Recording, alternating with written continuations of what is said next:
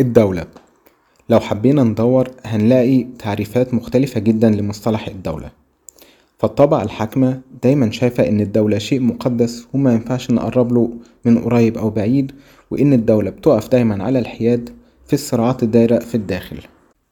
الأكاديميين والمفكرين اللي بينتموا لطبقات اقتصادية عليا شايفين إن الدولة شيء ضروري لأي مجتمع متحضر.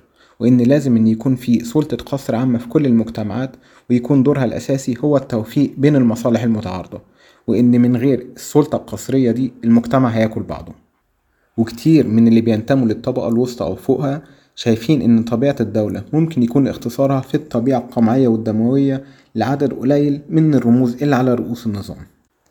وفي وجهة نظرهم إن الدولة شر مش بسبب السياسات الاقتصادية اللي دايما بتعادي الفقراء ولكن بسبب التوجهات السياسية الفاسدة لرموزها. بمعنى آخر إن المشكلة مش في كيان الدولة نفسها ولكن المشكلة في الناس اللي ماسكة الدولة. إحنا كاشتراكيين ثوريين شايفين إن ما ينفعش نفصل المسار الاقتصادي عن السياسي للدولة وإن ما ينفعش نعرف الدولة من غير ما نعرف الطبيعة الاقتصادية للمجتمع وإذا كانت الدولة بتقف جانب الطبقة الحاكمة المسيطرة على الدولة أو بتقف جانب الطبقة العاملة المنتجة. وعلشان نعرف الدولة كان لازم الأول نسأل السؤال إمتى ظهرت فكرة الدولة؟ المجتمع البشري عاش آلاف السنين في مجتمع خالي تماما من الطبقات.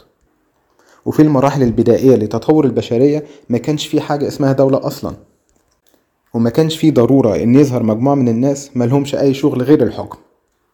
وإن هم علشان يقدروا يحكموا محتاجين جهاز للقصر وللقمع من سجون وجيش وشرطة. ولكن مع التطور النسبي لوسائل الإنتاج بدأ يظهر فائض زائد عن الحاجات الاستهلاكية المباشرة. والفائض ده سمح بظهور مجموعة من الناس إن هي تقدر تعيش على على فائض الإنتاج ده. واحتلوا مواقع معينة في تقسيم العمل. ومن خلالها أصبحوا الطبقة المسيطرة. ومن هنا بدأ يتغير شكل المجتمع اللي كان شبه القبيلة وبدأ ينهار. وظهرت أقلية قدرت إن هي تستحوذ على كل ثروات المجتمع في مقابل أغلبية كبيرة كان دورها الأساسي إن هي بتنتج الثروة دي. وهنا بقت الفكرة بمؤسساتها ضرورة.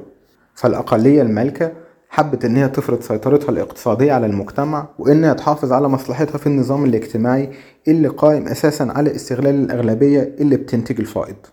وكان الحل بالنسبة لهم هو تجريد السكان من الأسلحة بتاعتهم وخلق أجهزة جديدة تحتكر العنف والقمع المنظم علشان تحمي مصالح الأقلية المحتكرة.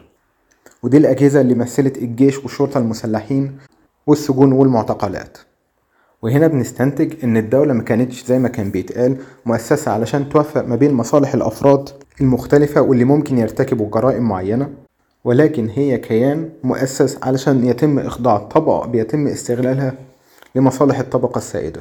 والدولة هدفها الرئيسي إن هي ما تقضيش على التناقض ده ولكن إن التناقض ده يفضل موجود لمصلحة طبقة ضد طبقة أخرى. والدولة كده بتتحول بأجهزتها ومؤسساتها لجزء من الطبقات المحتكرة للعنف وللقمع طول ما مفيش تغيير بيحصل في تقسيم المجتمع لصالح الأغلبية المنتجة. وبقينا بنشوف في المجتمعات الرأسمالية إن الدولة بتقف بوضوح بجانب حلفائها من كبار رجال الأعمال اللي بيمثلوا قاعدة اقتصادية قوية لاستقرار الدولة وإن أولويتها إن هي تراعي مصالحهم وتحافظ عليها. وده بنشوفه دايما لما يتم تشريع قوانين جديدة. فبقى عادي جدا إن إحنا نشوف إن كبار رجال الأعمال الرأسماليين والناس اللي بتضرب من البورصة بيتم إعفائهم من الضرائب وفي نفس الوقت بيتم رفع الدعم عن السلع الأساسية للمواطنين. وما بقيناش بنستغرب إن إحنا نشوف أجهزة الدولة والبلطجية بتوعها من جيش وشرطة وشرطة عسكرية بتستخدم المدرعات علشان تدهس العمال اللي بيتظاهروا للمطالبة بحد الأدنى للأجور بمطالب إنسانية مشروعة أو حتى بمحاكمة رموز الفساد. والتاريخ بيعلمنا وده اللي اتعلمناه في الثورة المصرية إن من المستحيل إصلاح الدولة على النمط الرأسمالي وإن أي سلطة بتسعى إليه بعد أي ثورة زي قوانين مصالحة الشرطة أو رجال الأعمال بيكون هدم صريح لمطالب الثورة في العدالة الاجتماعية وإن الوصول للمطالب الاجتماعية مش هتحقق إلا من خلال التطهير الكامل أو بمعنى أصح التفكيك وإعادة هيكلة الدولة على يد الأغلبية الشعبية.